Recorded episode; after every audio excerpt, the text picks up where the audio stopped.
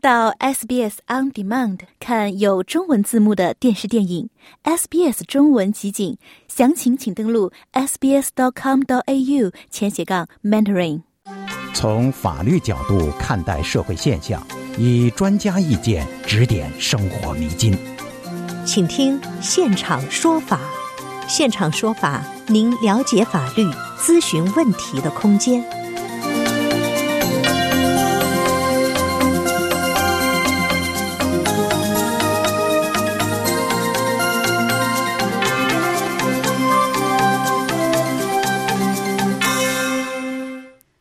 听众朋友你好，欢迎您继续收听 SBS 普通话为您带来的现场说法听众热线节目。我们看到有新闻报道，塔州政府公开发布未缴纳罚款的个人姓名和详细地址，其中有些人的罚款呢低至一百一十七澳元，大多数人的罚款呢低于五百澳元。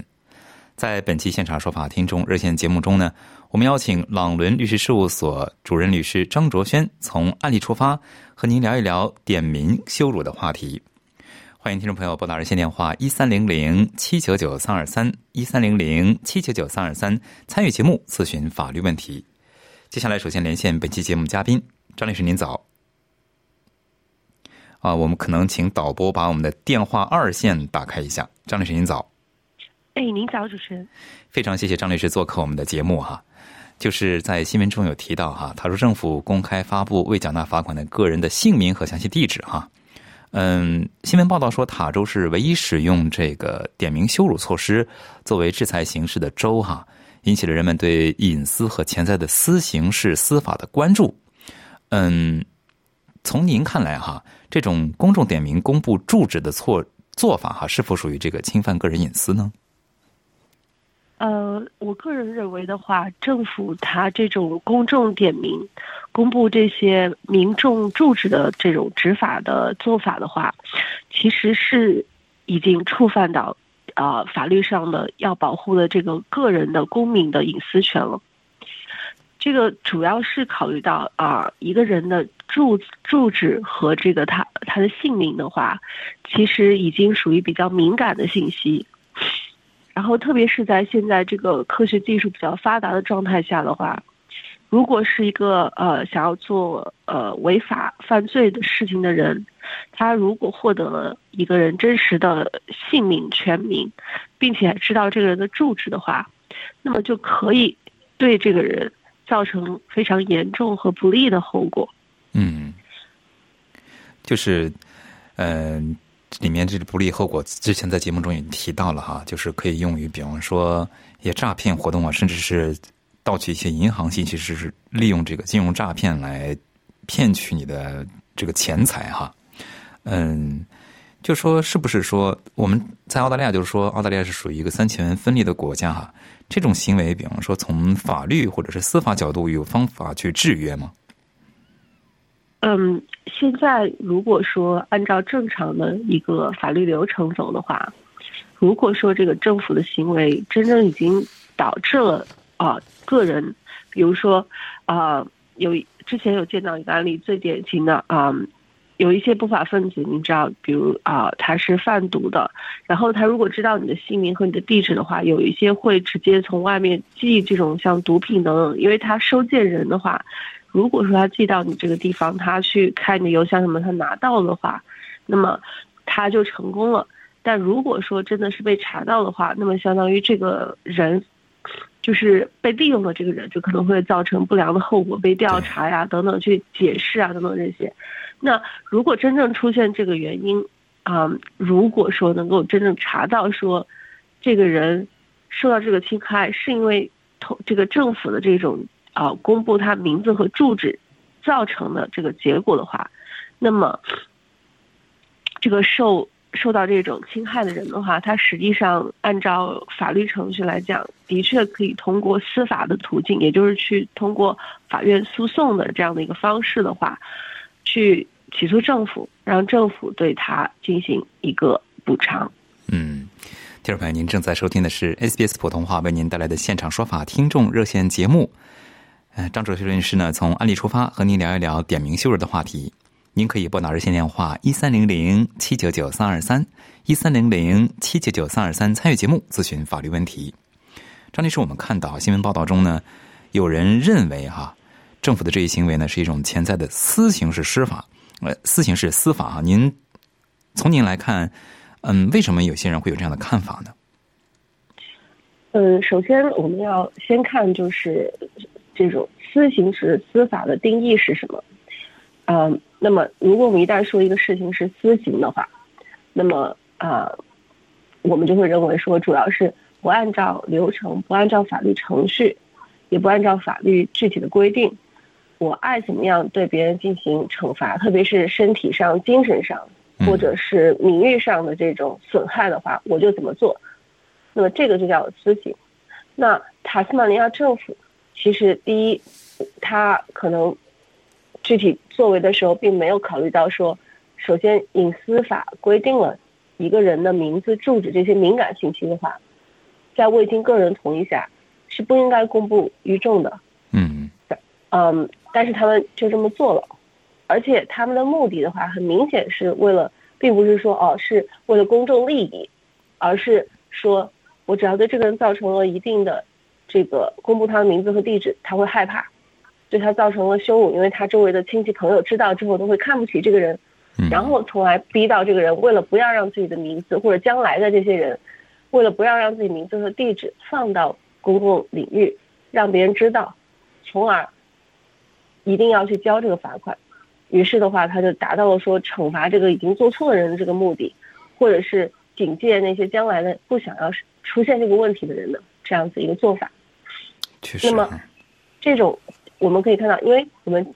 本来这个定一个刑法或者法律规定是要经过很多人的讨论，有立法的机构去立法，然后执行的时候应该通过司法机构去多番这个推敲和比较之后的话，才形成了这么一个处罚的一个结果。但现在实际上就是我政府就是为了要达到罚款能够有效果的这种程度的话，我就这么去做了。那么。自然就会有人认为说，你其实就是已经绕开了立法和司法，或者说至少是一个在一个边缘，去规定了这样的法律和执行了这样子的一个呃过程，而这个这个这个规则和过程的话，实际上是有悖于立法和司法原来的这个精神的。嗯，还是就是刚才啊，可能问及的一个话题啊，就是问问题啊，就是说，在澳大利亚，就是说政府的这个权利。如果是比方说认为他不合适，他会怎么去制约他呢？呃，这个的话，也就回到我们嗯曾经在法学院一开始所学到的这个呃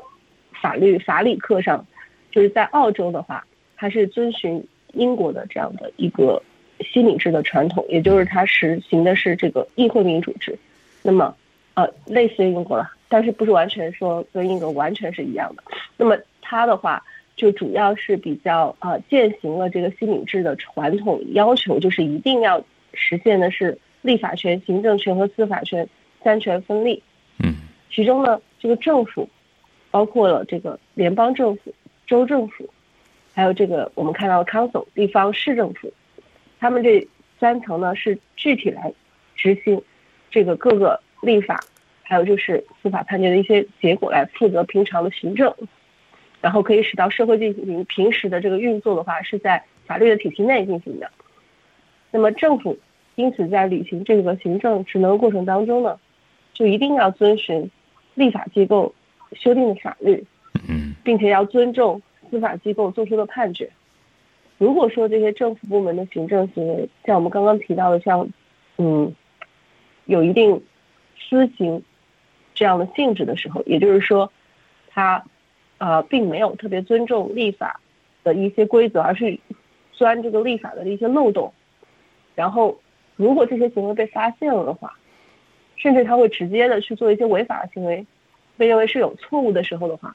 那么像刚刚我们讨论的一样，这个公民的话，他个人，或者是就比如说像我们讨论上之前讨论过隐私法的话，它是有一个执行的一个委员会的。像这样的监督机构，如果发现了这些的话，其实都是有权利对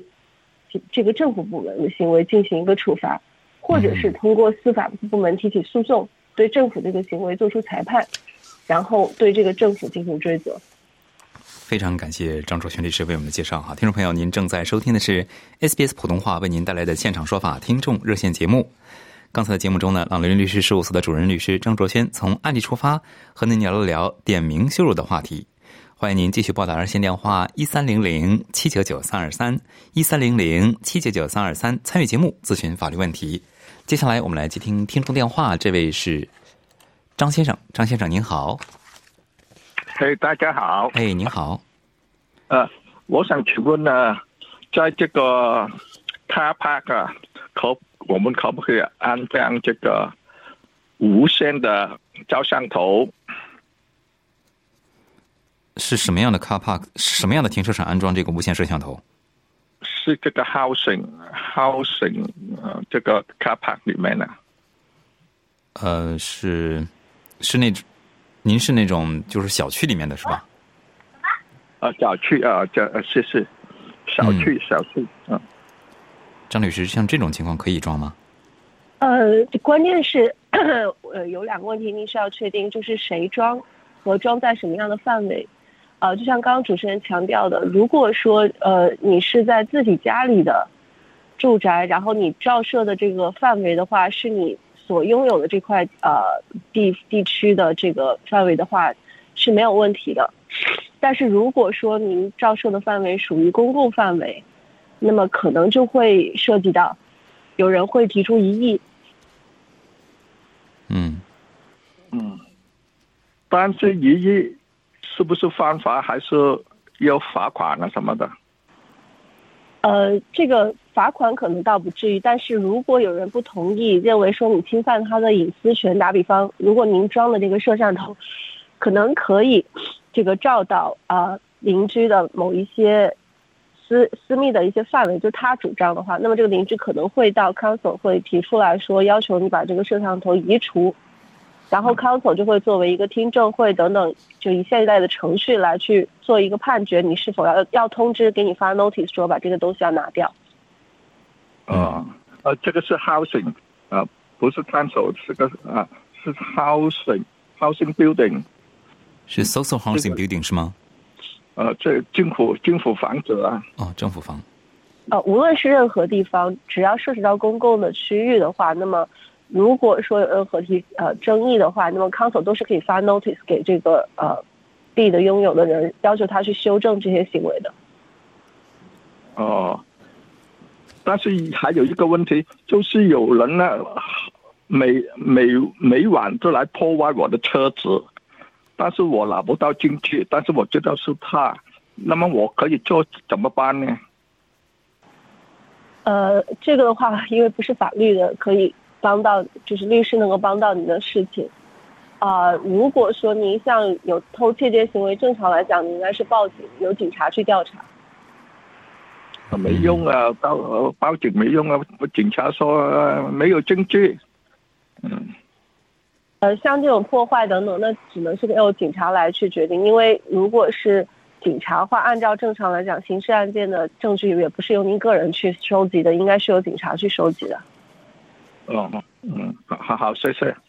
好了，谢谢张先生的咨询。听众朋友，欢迎您继续拨打热线电话一三零零七九九三二三一三零零七九九三二三参与节目咨询法律问题。像张律师刚才张先生碰到这个问题哈，自己的车停在了，比方说自己所住的这个，不论是小区也好，个人物业也好，停在那儿，甚至路边遭人破坏，并且是不定期的都会破坏的话，如果自己车里面装了摄像头，可以拿来拍吗？能作为证据吗？哦，这个是可以的。如果是你在车内装，因为不涉及到你会使用到别人的公共区域，啊，应该是没有什么问题的。嗯，非常谢谢张律师的介绍。欢迎您继续拨打热线电话一三零零七九九三二三一三零零七九九三二三参与节目咨询法律问题。接下来这位听众是王先生，王先生您好。你好，是我吗？哎，是您，王先生，您请讲。就是。我有有有一有有一个朋友夫妻老夫妻回中国了，因为他孩子离婚了，完了后他孩子也回中国，但是他们都有身份，只不过是先回去，他孩子也在中国找了工作，他现在是离婚以后呢，这孩子啊在女方这，他们想来看孩子，想问一下因为他他女方这个他不让看，这个这个这个这个这个情况，他要来的话看不了的话，他想问问能不能看成，要看不了的话，那怎么办呢？就是说他就没有别的办法了吗？呃，正常来讲，如果是能沟通得了的话，那么他们可以寻求跟这个女方沟通去看孩子。但如果说沟通不了的话，那么通常，呃，这个孩子的就是呃父父亲的话，应该是可以通过诉讼的方式获得去这个探视的权利，是这样子一个流程。他是他孩子的父亲，他现在在中国工作。呃，虽然是澳洲身份，但是在中国的工作，他也不能回。他就是孩子的这个爷爷奶奶想过来看，就是说，但是这个呃，但但是如果是通过诉讼程序的话，那么在澳洲基本上来讲，还是通过父亲去做这些申请的话，会更加的容易一些。当然，爷爷奶奶也可以通过法庭的这个诉讼的话，获取探视的这个规定，然后去探视孩子，但是。呃，就是在我们实践当中看的话，还是这个父亲如果说约定说这个孩子去见父亲的时间，还有就是比如说视频的时间，然后同时也申请说有他的父母的话也可以去，呃，探视孩子或者通过视频跟孩子沟通，那么这个这个法庭命令会更加容易啊，就是如果是直接通过爷爷奶奶提起这些要求的话。不是爷爷奶奶，现在他过，他现在就是想确认一下，如果能行的话，他们就过来；如果不能行，他就不想，就是等以后他说是得十八岁是怎么事儿？是是有这个规定。对，您您要明白的是，法律不会管到这么细，但是如果是这个爷爷奶奶或者父亲要去和孩子，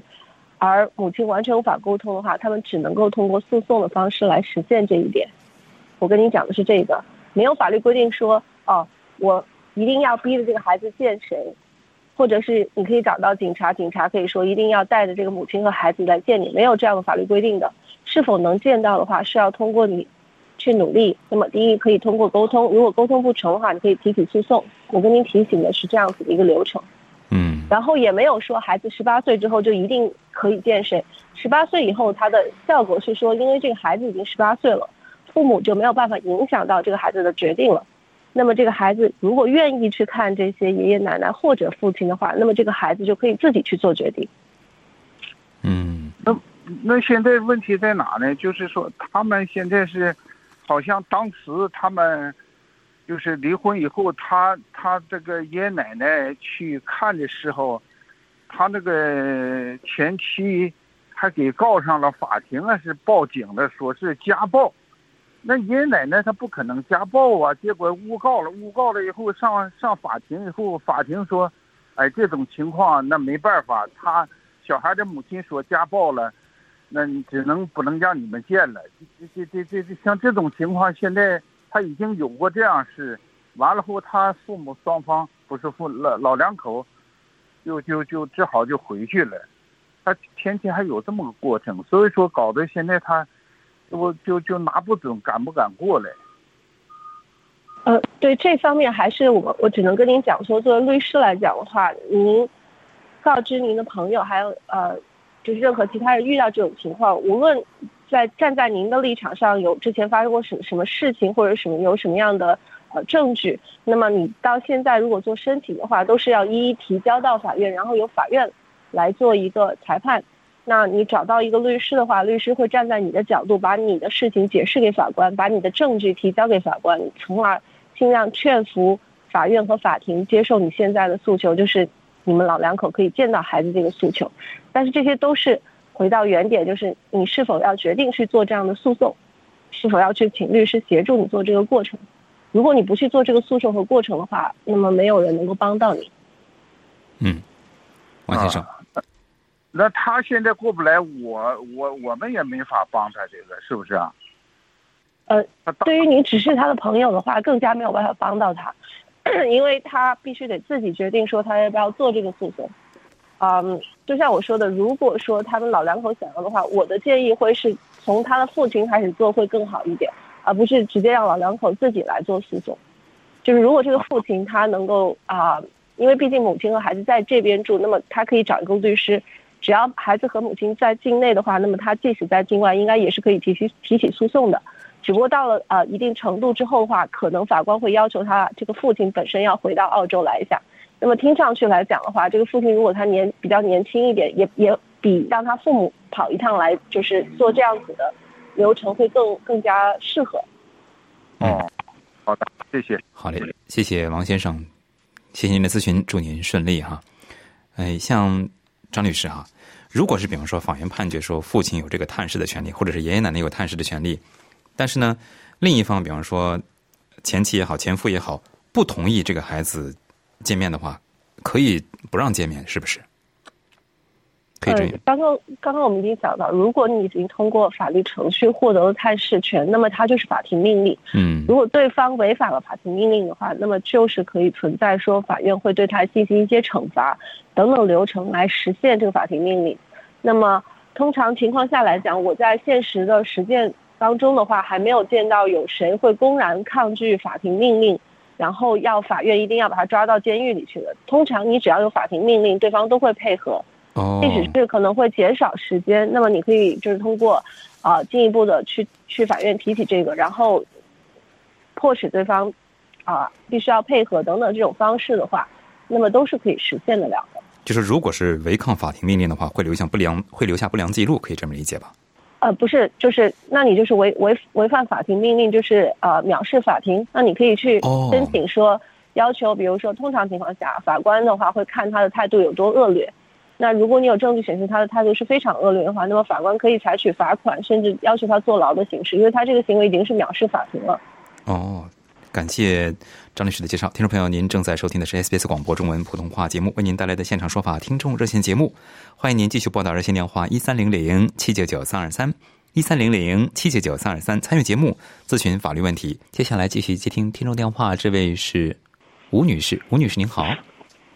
哎，是我吗？哎，是您，您请讲。啊，是这样的，呃，大家好，那个想向张律师请教一个问题，是这样的，我的一个朋友他遇到这样一件事情，他想让我帮他咨询一下，就是他在一个公共场所受到了某个人的那种诽谤、诬陷，然后使他的人格受到侮辱，呃，受到了很不公平的这种对待，然后他就是想对这个制造谣言的人，就是诽谤的人。就是提，就是通过呃那个调解中心对那个诽谤人，就是进行调，就是一起进行调解，让他在这个公共场所就承认，呃不是承认，就是道个歉。那么这样就是对他的名誉呢，就是可以做些挽回。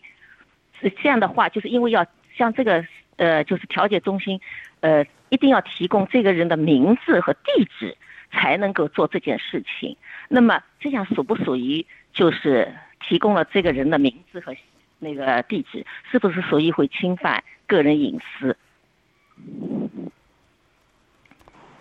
呃，是这样子的。呃，如果有任何的纠纷，你想通过任何调解员进行调解，提供这个给这个调解员这个人的名字和联系方法的话，呃，并不属于侵犯隐私。嗯。因为他并没有处于需要把这个人的信息公布在外边，那么这个调解员如果经过专业的训练的话，那么他也不会轻易的会将你提供的信息公之于众，呃，所以呃应该是没有问题。如果您需要找一个调解员去调解，然后把这个信息给他，只不过就是可能会考虑的后果是，这个调解员即使联系到这个人，这个人也可以拒绝调解。嗯。啊。就是说，这个不属于就是侵犯个人隐私，对吧？因为是他是没有公布到外面去，只是因为这个调解中心一定要要求提供姓名和那个地址才可以联系到那个人，这样不属于侵犯个人隐私，是吧？呃，是的。嗯。啊，好的，好的，好的。谢谢吴女士咨询，祝您哎，对，嗯，祝您顺利。谢谢。接下来我们继续听下面一位听众电话，这位是。曾先生，曾先生您好。哎，你好。哎，您好。我想问一下，我的儿子在中国工，他回中国工作已已经有五年。嗯。他每年的签证是办了，但是我会，如果这样长期居在中国工作的话，他的签证他是 PR，有什么问题？他在这里有房子，有有父母，还有两个女儿要抚养，呃，所有的费用，呃，父母的账，这房子的账单啊，父母所有生活费。哦，我们今天是现场说法节目，可能无法解答您的问题。张律师是这样吗？呃，对，因为您问的这个呃，应该是福利问题对吧？签证。就您问的具体这个签证延延期的问题的话，那么每个案例具体是非常，呃不一样的。所以我的建议是，您如果真正去到您的孩子这个 PR 签证需要续签的情况下，就直接去找一个呃移民的律师或者中介，让他们看一下你的材料是否已经足够证明他跟澳洲的联系。那么通常情况下，如果你能够像您刚刚讲的，您其实已经有很多的证据显示您儿子跟澳洲是有很强的联系，而且他的工作的话是根据合约的话是在国外会只是工作一段时间就会回到澳洲的话，应该是事先是没有问题的。哦，谢谢，OK，谢谢。好嘞，谢谢曾先生的咨询，祝您顺利。张律师，剩一点时间哈，我有一个问题要问你哈，就是其实，在案例中跟我们今天的话题挺相关的，就是曾经有听众是咨询过哈，嗯，我印象中您有没有解答不知道，就是。如果是比方说在那个公开的场合贴上，比方说某人到我的店里面，比方说没付款，或者是有偷窃的行为，并且贴上去的照片，这种行为，比方说算不算点名羞辱呢？呃，首先这个人的名字和这个人的住址，或者这个人的 ID 信息，就是他，比如是 driver license 或者 passport 这些敏感信息有没有贴在上面呢？嗯，如果是只都不知道，只贴了对方的照片呢？呃，如果只贴了照片，我会认为比较难成立，说是侵犯了这个人的隐私权，啊。但是如果说这个人是一个公众人物，或者是很多人其实已经知道这个人，那么一看到这个照片就知道这个人的话，那么有可能这个人的这个可以提出来有诽谤的问题，是有这个可能性的。但比如说，如果这个人只是一个很街边一个很不起眼的人，他。盗窃了，然后这个商店把他拍下来的这个照片放到这儿，说这个人曾经一般情况下，第一他不不属于侵犯这个人隐私，因为这个人的个人信息、敏感信息，除了他的这个就是摄像头拍出来这种照片之外的话，并没有进行公布，然后也没有人能够认出来他。非常感谢张律师的介绍，听众朋友。由于时间关系，今天的节目要和您说再见了。因个人情况因人而异，法律问题复杂，本节目仅供一般性参考，并无意提供个案法律建议。具体法律纠纷，请您咨询专业的律师。了解澳洲，融入澳洲，欢迎登录 sbs 点 com 点 au 前斜杠 language 前斜杠 mandarin，获取更多澳大利亚新闻和资讯。